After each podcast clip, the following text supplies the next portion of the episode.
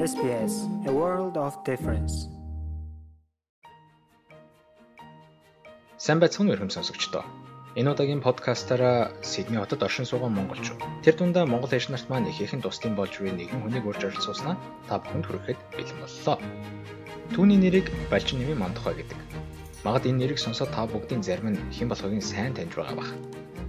Австрали улсад нүүж ирээд удаагүй байгаа. Эсвэл хувийн боломж болцооныхын улмаас англи хэлээ сайжруулж амжаагүй байгаа хүмүүсийн хувьд эрүүл мэндийн салбар тэр дундаа эмнэлгийн тусламж үйлчилгээ авна гэдэг томоохон даваа байдаг. Харин энэхүү хүндхэн бэрхшээлийг даван туулахад элэг нэгтүүдтэй туслах ажлыг хийж буй хүмүүсийн нэг нь мандахай билээ. Түүний хувьд Австрали улсад нөхөр хүүхдийн хамт ирээд өдгөө 5 дахь жилтэйгээ золгож байгаа бөгөөд Сент Жорж сэмлэгт бүтэн цагийн орчуулагчаар ажилладаг юм. Ийхүү бидний яриа түүний ажлын талаар асууснаар хийснийг та бүхэндээ хүргэж байна. Тэг ямар ч лээсэн намайг урьж оролцуулж байгаа баярлалаа ярилцлаганда. Нэр тэр хэрэг байна. Тэгээд манай яг миний одоо яг ажиллаж байгаа газар болохоор Sydney Local Health District. А тэгээд Sydney Healthcare Interpreting Service буюу Sydney эрүүл мэндийн үйлчилгээний одоо орчуулгын төв яг тэнд болохоор би одоо ажиллаад ерөнхийдөө нэг бараг жил болох чинь өмнө агентлагт байхдаа бол ажилладаг байсан агентлагаа одоо дамжуулаад тэгээ одоо болохоор яг энэ байгууллагад л ажиллаж явж байгаа. А энэ байгууллагын ер нь бол энэ одоо эмнэлгийн альч одоо энэ одоо Сидней те альч дүүрэгт ер нь бол ялангуяа юм Сидней локалын төв дүүргүүд эдрүүд бол ингээд эмнэлгүүдэд болохоор үнгүй үйлчлэгээ үзүүлдэг орчуулгын нэлээд олон ялангуяа одоо энэ угаасаа нөгөө нэг айгүй тийм олон үндэсний газар нутгшүүдэд австралч чинь тэгэхээр чинь маш олон юм орчуулагч нар ажилладаг. Тэгээд одоогоор бол би ганцаараа ганцхан Монгол орчуулагч байгаа. А sessional буюу одоо цагаар ажилладаг одоо 2 3 Монгол орчуулагч байгаа. Ганцхан одоо full time ажиллаж байгаа ганц л орчуулагч байгаа. А тэгээ энд эрүүл мэндийн үйлчилгээ авж байгаа бүхэл хүмүүс энэ миний миний гэлтгүй одоо энэ юуны орчуулгын үйлчилгээг бол үнгүй авах боломжтой. Одоо ялангуяа энэ үйлчилгээ нь болохоор юунд хамгийн хэрэгцээтэй байдаг вэ гэхээр хагалгаа ч юм уу тийм мис ажилбарт орох байгаа тийм яаралтай одоо тийм хүмүүст бол хамгийн их чухал хэрэгцээтэй ер нь бол үйлчилгээ. Ягаад тэгэхээр Австралид бол яг нөгөө гэр бүлийн гишүүдээр нь ч юм уу хамаатан саднаар найз нөхдөр нь бол дамжуулж орчуулах хийлэхийг бол хоригддаг. Ягаад тэгэхээр of interest те одоо шиг шиг сонирхлын зөрчил ингэж гардаг гэдэг утгаараа а ер нь бол нэг их хүлийн зөвшөөрдөг аль болох татгалцдаг болж өгвөл аль биесны орчуулагч авч одоо тэр орчуулга хийж тэр бичиг цаасны ажил дээр ингэж хавсрахыг оролддог. Гэхдээ зарим тохиолдолд бол Монгол орчуулагчийн хомсойдлаас болоод болохоор заримдаа бол тийм нь бол боломжгүй байдаг. Өөрийнхөө үндсэн мэрэгжлийн талаар бидэнтэй хуваалцаач. Чухам яаж яваад энэ ажлыг хийх болов уу? Би Монголд болохоор International Business Management гэдэг MIU төгссөн. International Business Management анги. А энд ирээд болохоор Masters of Project менежментийг төгссөн. А ер нь бол бизнесийн бэкграундтай хүн. Одоо болохоор 18 онд анх а найз манай найз Норгим гэдэг нэг найз одоо айлт заадаг. Норгим гэдэг найз маань ажлын санал ийм одоо нөгөө юу байна рефер хийгээд ажлын санал хэлээд тэгээ онкол гэдэг нэг тийм агентлагт хувийн тийм агентлагт орсон орчуулгын. Тэгээ тэрнээс хойш бол ер нь тасралтгүй яг орчуулга ялангуяа эрүүл мэндийн орчуулга бол хийгээл явж байгаа. А Мерсер бол багхан тийм одоо хуулийн орчуулга бол хаяа хийдэг. Гэхдээ хөвчлэн бол эрүүл мэндийн орчуулга хийгээ явж байгаа. Түүний хувьд зүгээр л нэг тохиолдлын байдлаар Сент Жорж сэмлэг дээр төвлөж ажиллаагүй гин. Цаанаа чухам ямар учир шалтгаантай болохыг тэрээр ийхүү тайлбарсан юм. Тийм миний бааз нь болохоор одоо бейс нь тий юунд St George Hospital дээр ягаад тэгэхээр ихэнх монголчууд маань болохоор Wallai Creek аа тэгэл яг St George эмнэлэгний харьяа дүүрэгт амьдардаг учраас хамгийн их ирж үйлчлүүлдэг газар нь болохоор St George Hospital болчихж байгаа.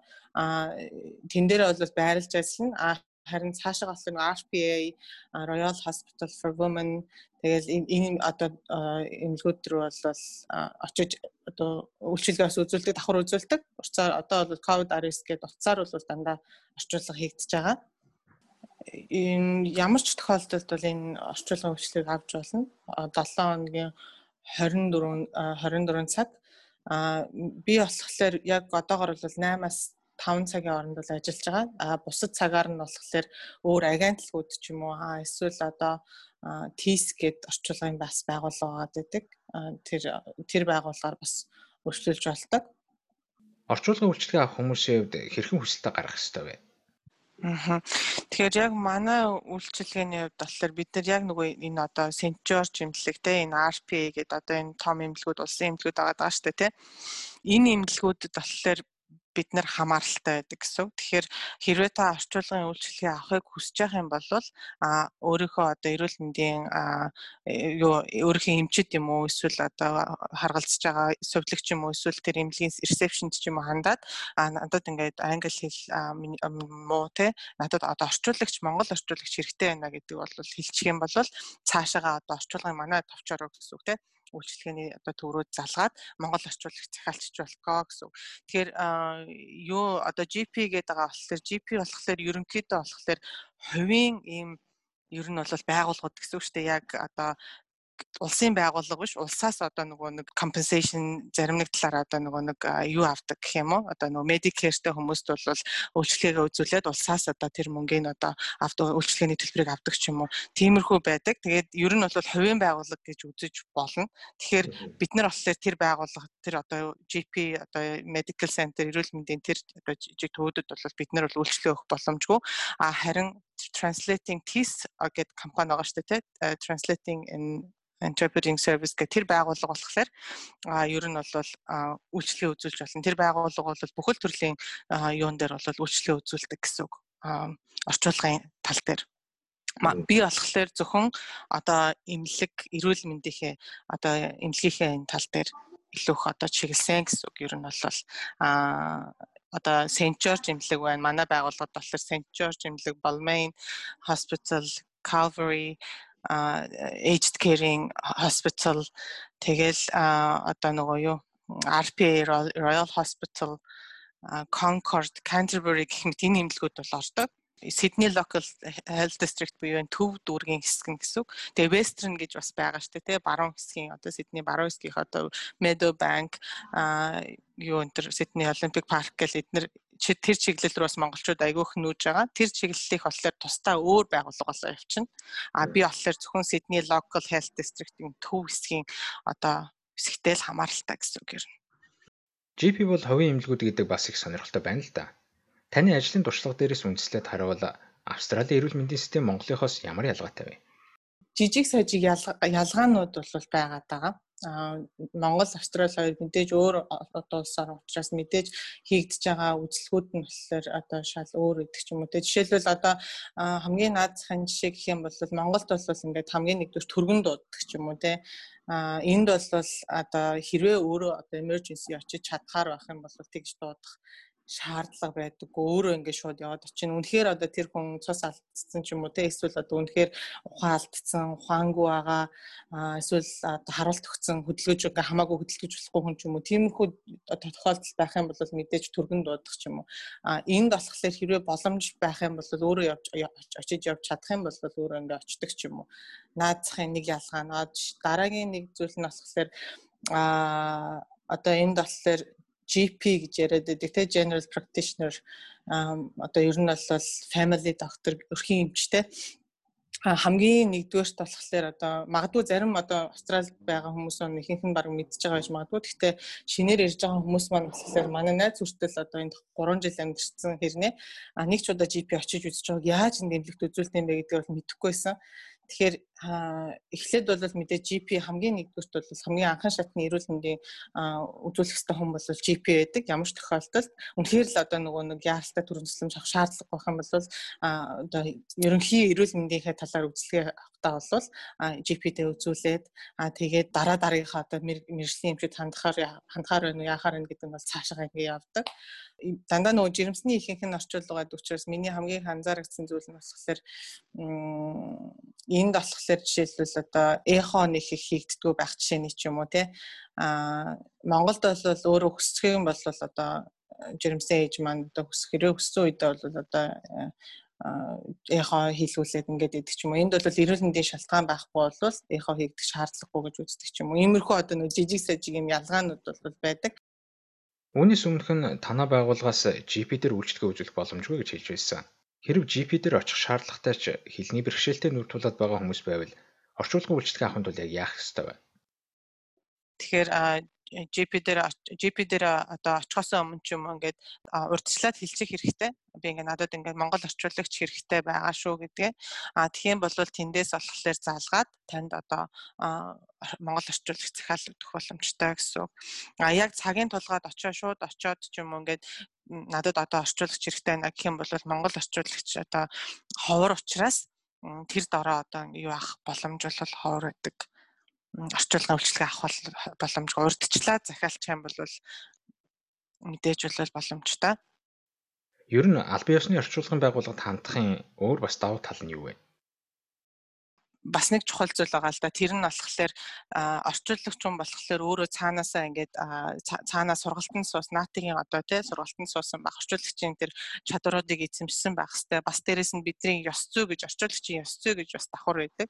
Тэгэхээр орчуулагч хүн болохоор одоо бүхэл ярилж байгаа одоо өвчтөн болон эрүүл мэндийн ажилтан хоёрын ярьж байгаа яриа дунд бол яг л үг үгсүггүй яг тэр одоо нөгөө нэг хэлэх гээд байгаа санаа тэгээ дээрэс нь тэр одоо бүх юмыг л ингээд шингээгээл ингээд нөгөө талд ингээд гаргаж ирэх хэрэгтэй гэсэн үг ном шиг те.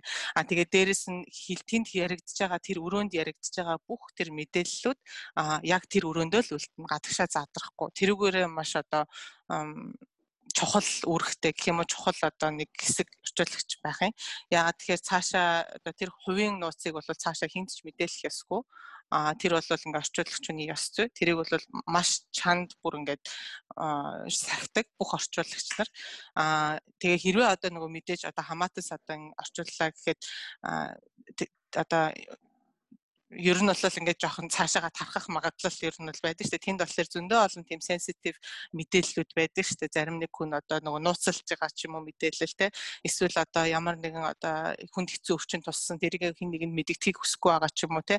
Одоо өвчтэй одоо нөгөө настай аав ээжтэй мэддэгтгийг хүсэхгүй байгаа ч юм уу. Тиймэрхүү одоо нөгөө нэг тохиолдол байх юм бол бас орчуулагч авах нь бол маш чухал хэрвээ тийм тохиолдол байх юм бол аль болох ер нь гэхдээ эмнэлгийн ажилтнууд бол аль биесны орчуулагч авахыг маш их хэрмэлцдэг тийм. Таны хувьд одоо ингээд 3 жил ажиллаж гисэн гэсэн. Ер нь Австралид монголчуудын хувьд хамгийн их тулгамж байгаа асуудлыг юу гэж харж байна та? Ер нь бол манай одоо нөгөө нэг бас хамт ажилдаг одоо нэг cross cultural worker гэдэг одоо бусад одоо нөгөө эрүүл мэндийн салбарт ингээд хэсэг ажиллаж байгаа хүмүүс байгаа. Бид нэр бол ярилцахтаа юу гэж ярьдаг вэ гэхээр хамгийн нэг нэгдүгээр дутмаг зүйл нь болохоор мэдээлэл маш их дутмаг байгаад байна гэдэг тэр л юм хамгийн чухал одоо нөгөө нэг ажиглагдж байгаа одоо монголчуудад тулгарч байгаа асуудал гэж би бид нар бол үзээ та. Тэгээ тэр нь болохоор мэдээллийнхээ одоо тэр доошоо салбарлаад бол одоо жишээлбэл жирэмсэн ээжүүд бол маш их байгаа шүү дээ тий жирэмсний орчуулга бол маш их хийгддэг. Аа тэгээд жирэмсэн ээжүүд жишээлбэл одоо эхний үзлэгээ одоо тий эрт үзүүлэгч үзлэгээ үзлэгтэй эрт орж ингээд хяналтандаа эрт хамрагдах ёстой ч юм уу тэрийг бол сайн мэдгүй энэ Австралийн эрүүл мэндийн системийг сайн мэддгүйгээсээ ч юм уу эсвэл одоо тий одоо хоцрогдох ч юм уу иймэрхүү тохиолдлууд бас гардаг. Тэгэхээр дээрэс нь иншуранс даатгалын талаар бас одоо нөгөө нэг эргэлзээтэй ч юм уу мэдхгүй ч юм уу тиймэрхүү зүйлүүд шинээр ирж байгаа. Яг хуучин одоо хүмүүс бол мэдээж ингээ нэгнээсээ ам дамжаад ингээ сонсчихж байгаа. А шинээр ирж байгаа хүмүүс одоо шинээр үйлчлэг авж байгаа хүмүүс маань болохоор тэр талаар бол сайн мэддэггүй. Тэгэхээр тэр юм бас айгүйх юу юм байна гэж дутмаг байгаад байна гэж би бодсон. Австрали улсын хувьд коронавирусын дархалтыг хумих тал дээр дэлхийн ихэнх орнуудтай харьцуулахад чамгүй үр дүнтэй алхмуудыг хэрэгжүүлж байна гэж харж байгаа. Харин Монгол улсын хувьд одоогоор байдал тийм сайнгүй л харагдаж байгаа шиг байна. Эрүүл мэндийн салбарт нь ажиллаж байгаа хүний хувьд үнийг та яг юу гэж харж байна вэ? Миний зүгээр хувийн бодол болохоор а юу гэж бодож байна вэ гэхээр цаг тухайд нь яг зохих арга хэмжээг авч чадчихэна л гэж би бодож байна. Яг яг зөв арга хэмжээг яг цаг цагийн яг цаг in time те цагтаа гэх юм уу цаг яг хэцүү болохоос өмнө одоо ер нь бол тэр бүх арга хэмжээнүүд бүх шаардлагатай юмнуудаа хийгээд байна л гэж бодоод байна л да. А одоо жишээлбэл Нидерландд гэхэд болохоор бэлтгэл ажиллаа бол маш муу хийснээс болоод одоо нөгөө захиалах ёстой ч юм уу те тэр юмнуудаа ингээд маш муу хийснээс болоод бол бас их айгүйх том асуудал байгаад байгаа шүү дээ. Европ жишээлбэл а тэгээ энд болохоор тэр бэлтгэл ажил хийх тэр одоо бүх юмнуудаа бол айгу цаг тухайд нь хийгээд бас дээрэс нь иргэддээ өгөх мэдээлэлээ бол маш сайн өгж байгаа нь бол бүр хамгийн хамгийн сайн зүйл гэж би бодож байна. Яагаад тэгэхээр хүмүүс тэгээ бас дээрэс нь иргэд нь одоо улсынхаа одоо тий удирдлагуудыг хөндлөж бас дээрэс нь яг тэр одоо дүрм журмаараа явахыг хичээдэг одоо тэр тэр тэр одоо бүх нийлэмжүүд л ер нь бол Австрал энэ одоо дэгдэлтээс бол ковид 19-ийн энэ пандемикаас бол бас арай гайгүй бусад орныг бодоход харьцуулахад арай гайгүй тусаад байна гэж би бол зүгээр дүгнэж байгаа. А бусад орны хүмүүс болохоор ер нь бол бас л ингэ сонсоод хаад одоо Монгол жишээлбэл яг маш сайн одоо байсан эхний үед тэгээд сүүл рүүгээ бол жоохон цалгардлаа л гэж би зүгээр бодож байна. Жоохон иргэдийн хувьд жоохон цалгардалт үүссэн. Бас дээрэс нь удирдлагуудын хувьд бас арга хэмжээ бас жоохон юу авсан болов уу гэж би бодож байна. Хувийн бодол гэхдээ. Таны хувьд өнгөрөх 2020 оныг дүгнж хэлвэл 2020 онд бол ер нь бол нөгөө нэг new normal гэдэг байгаа шүү дээ. Тэр нь болохоор одоо бүх юм ингээд одоо шинээр шин ингээд өөрчлөгдсөн. Гэтэ тэр нь ингээд хэвийн зүйл болцсон. Одоо жишээлбэл манай одоо ажлын хувьд гэхэд байнга л face to face одоо байнгаар байнга л биеэр очиж те орчуулга хийдэг байсан бол а утсан орчуулга одоо бол хамгийн их нийтлэг видеогоор орчуулга хийх нь бол хамгийн их нийтлэг болж ирсэн. Тэгээ ийм юм одоо том өөрчлөлтүүдийг маш эхэндээ бол маш хэцүү. Бүх орчуулагч нартай ингээд зарим нь одоо настай ч юм уу тийм одоо хүмүүс байгаа. Эрүүл мэндийн шалтгаантай хүмүүс байгаа. Тэр хүмүүс болохоор энэ одоо шин зүйлийг шин одоо энэ өөрчлөлтийг бол өөрчлөлтөд басаад тэгээд дээрэс нь энэ одоо орчуулгын орчуулга бол бид манай одоо байгууллагын хувьд бол ерөөсөө таслаагүй харин ч илүү одоо нөгөө чанаржуулаад энэ нь болохоор бүр ингээд сайн менежмент оруулаад тэгээд явж байгаа. Тэгээд мэдээж бол хүнд хэцүү ковид 19 бол хүнд хэцүү зүйлийг бол маш их одоо бүх хүнд л хэцүү байсан бүх хүнд л одоо шин бүх хүнд л одоо хүндрэлтэй зүйлүүд гарсан. Гэхдээ аль болох бүгдээрээ хичээгээд хамтдаа энэ олгоныг даван туулах гээд бүгд хичээгээд ингээд ажлаа тасалт болохгүй ингээд явж байгаа. Тий. Эцэст нь манай сонсогчид тэр дундаа Австрали улсад ажил төрж буй монголчуудаа хандаж өөрийн ажлын туршлага дээр үндэслэн зөвлөгөө өгөөч гэвэл та яг юу гэж зөвлөх вэ? Миний нэг хэлэх юмсан гэдэг нэг бодоо яваад идэг зүйлүүд байдаг хгүй. Одоо жишээлбэл аа настай аав ээжүүд одоо энэ ковид тусгаар мэдээж одоо хүүхдүүд дээр настай аав ээжүүд одоо хамаатан садантай ирдэг. Аа тэгээд тэр хүмүүсээ одоо авчрахтаа миний хамгийн их нөгөө нэг том зөвлөх зүйл нь болохоор айл алах даатгал хийлгүүлж одоо авчраарай гэдэг ямиг л тэгээ бас дээрэс нь юмаа ер нь сайн төлөвлөж тооцоолж жагаад альва алхмаа хийгээрээ те одоо тиймэрхүү зүйлийг л хэлмээр байна. Хамгийн гол зүйл нь болохоор бид нар ч одоо эрүүл мэнд хүний нутагт байгаа. А тийм учраас тэгээ дээрэс нь маш өндөр өртөгтэй оронд амьдарч байгаа учраас аль болох одоо эрсдэлд орохгүй тулд санхүүгийн хувьд ч бай сэтгэл санааны хувьд ч эрсдэлд орохгүй тулд аль болох аюулгүй замыг сонгож те а аав ээжигээ ч юм уу эрэхтэн даатгалаа энэ сайн дат өөртөө ч гэсэн бие маш сайн хичээж аль болох одоо чаддаг бол одоо нөгөө жил болгон юм нөгөө нэг цусны шинжилгээ ч юм уу те дэлгэр цусны дэлгэрэнгүй шинжилгээ одоо төмөр дутагдсан байна. Ямар байна? Тэр бүх зүйлүүдээ бас ингээд сургалтын мэдтэй байгаа дээрээ бас аль болох шинжилгээнүүдэд байнга өгж байгаарэ гэж бас хэлмээр байна. Ягаад тэгэхээр бас манайхан ч ихэнхэн сурдаг. Тэгээд сургалтын визтэй хүмүүст бол маш хямдралтай байдаг. Цусны шинжилгээ гэхэд жишээлбэл зөвхөн одоо нөгөө нэг цус авч лабораторийн одоо шинжилгээний шинжилгээний төлбөрийг бол 100% төлдөг. Зөвхөн одоо нөгөө цусыг одоо авж байгаа штэ тий тэр одоо нөгөө нэг процессын юг л төлбөрийг л авч байгаа гэсэн үг байхгүй юу? А 485 ч юм одоо нөгөө нэг ажиллах визтэй сургалтын дараах одоо post graduate визтэй одоо төр оршин суух визтэй тийм болсон үед бол бүх тэр лабораторийн шинжилгээний юм уу тэр цусны шинжилгээнд дээр л ярихад бүгдийг ингээд төлөх шаардлагатай байдаг ч юм уу те. Тэгээ яг буцаа олголт бол орон гэхдээ эхний урьдчилж төлж байгаа төлбөр бол маш их болчихж байгаа байхгүй юу. Тэгээ дээрэс нь буцаа олголтын хувь ч гэсэн багасч байна. Одоо юун дээр GP дээр гэхэд жишээлбэл За GPS яг сенчор дээр одоо жирэмсний үзэл хийх байлаа гэхэд ер нь бол нэг 145-ыг төлөхөд 100 уцаад ороод ирэх бол бидний хувьд болохоор одоо арай жоохон хувь нь өөрчлөгддөг ч юм уу те 60% ч юм уу 80% ч юм уу тэр болохоор яг тэр нөгөө нэг даатгалаасаа хамаарат өөрчлөж байна гэсэн. Ийхүү бит хоёрын ажиллага өндөрлж байна. Та бүхэнд баг чадвараа тус болох болов уу гэж найдаж байна. Бидэнд хэрэгтэй мэдээ мэдээлэл зөвлөгөөнөөс хуваалцсан мантахад баярлалаа мөн сонсогч олонныхоо өмнөөс ажлын өндөр амжилт хүсье.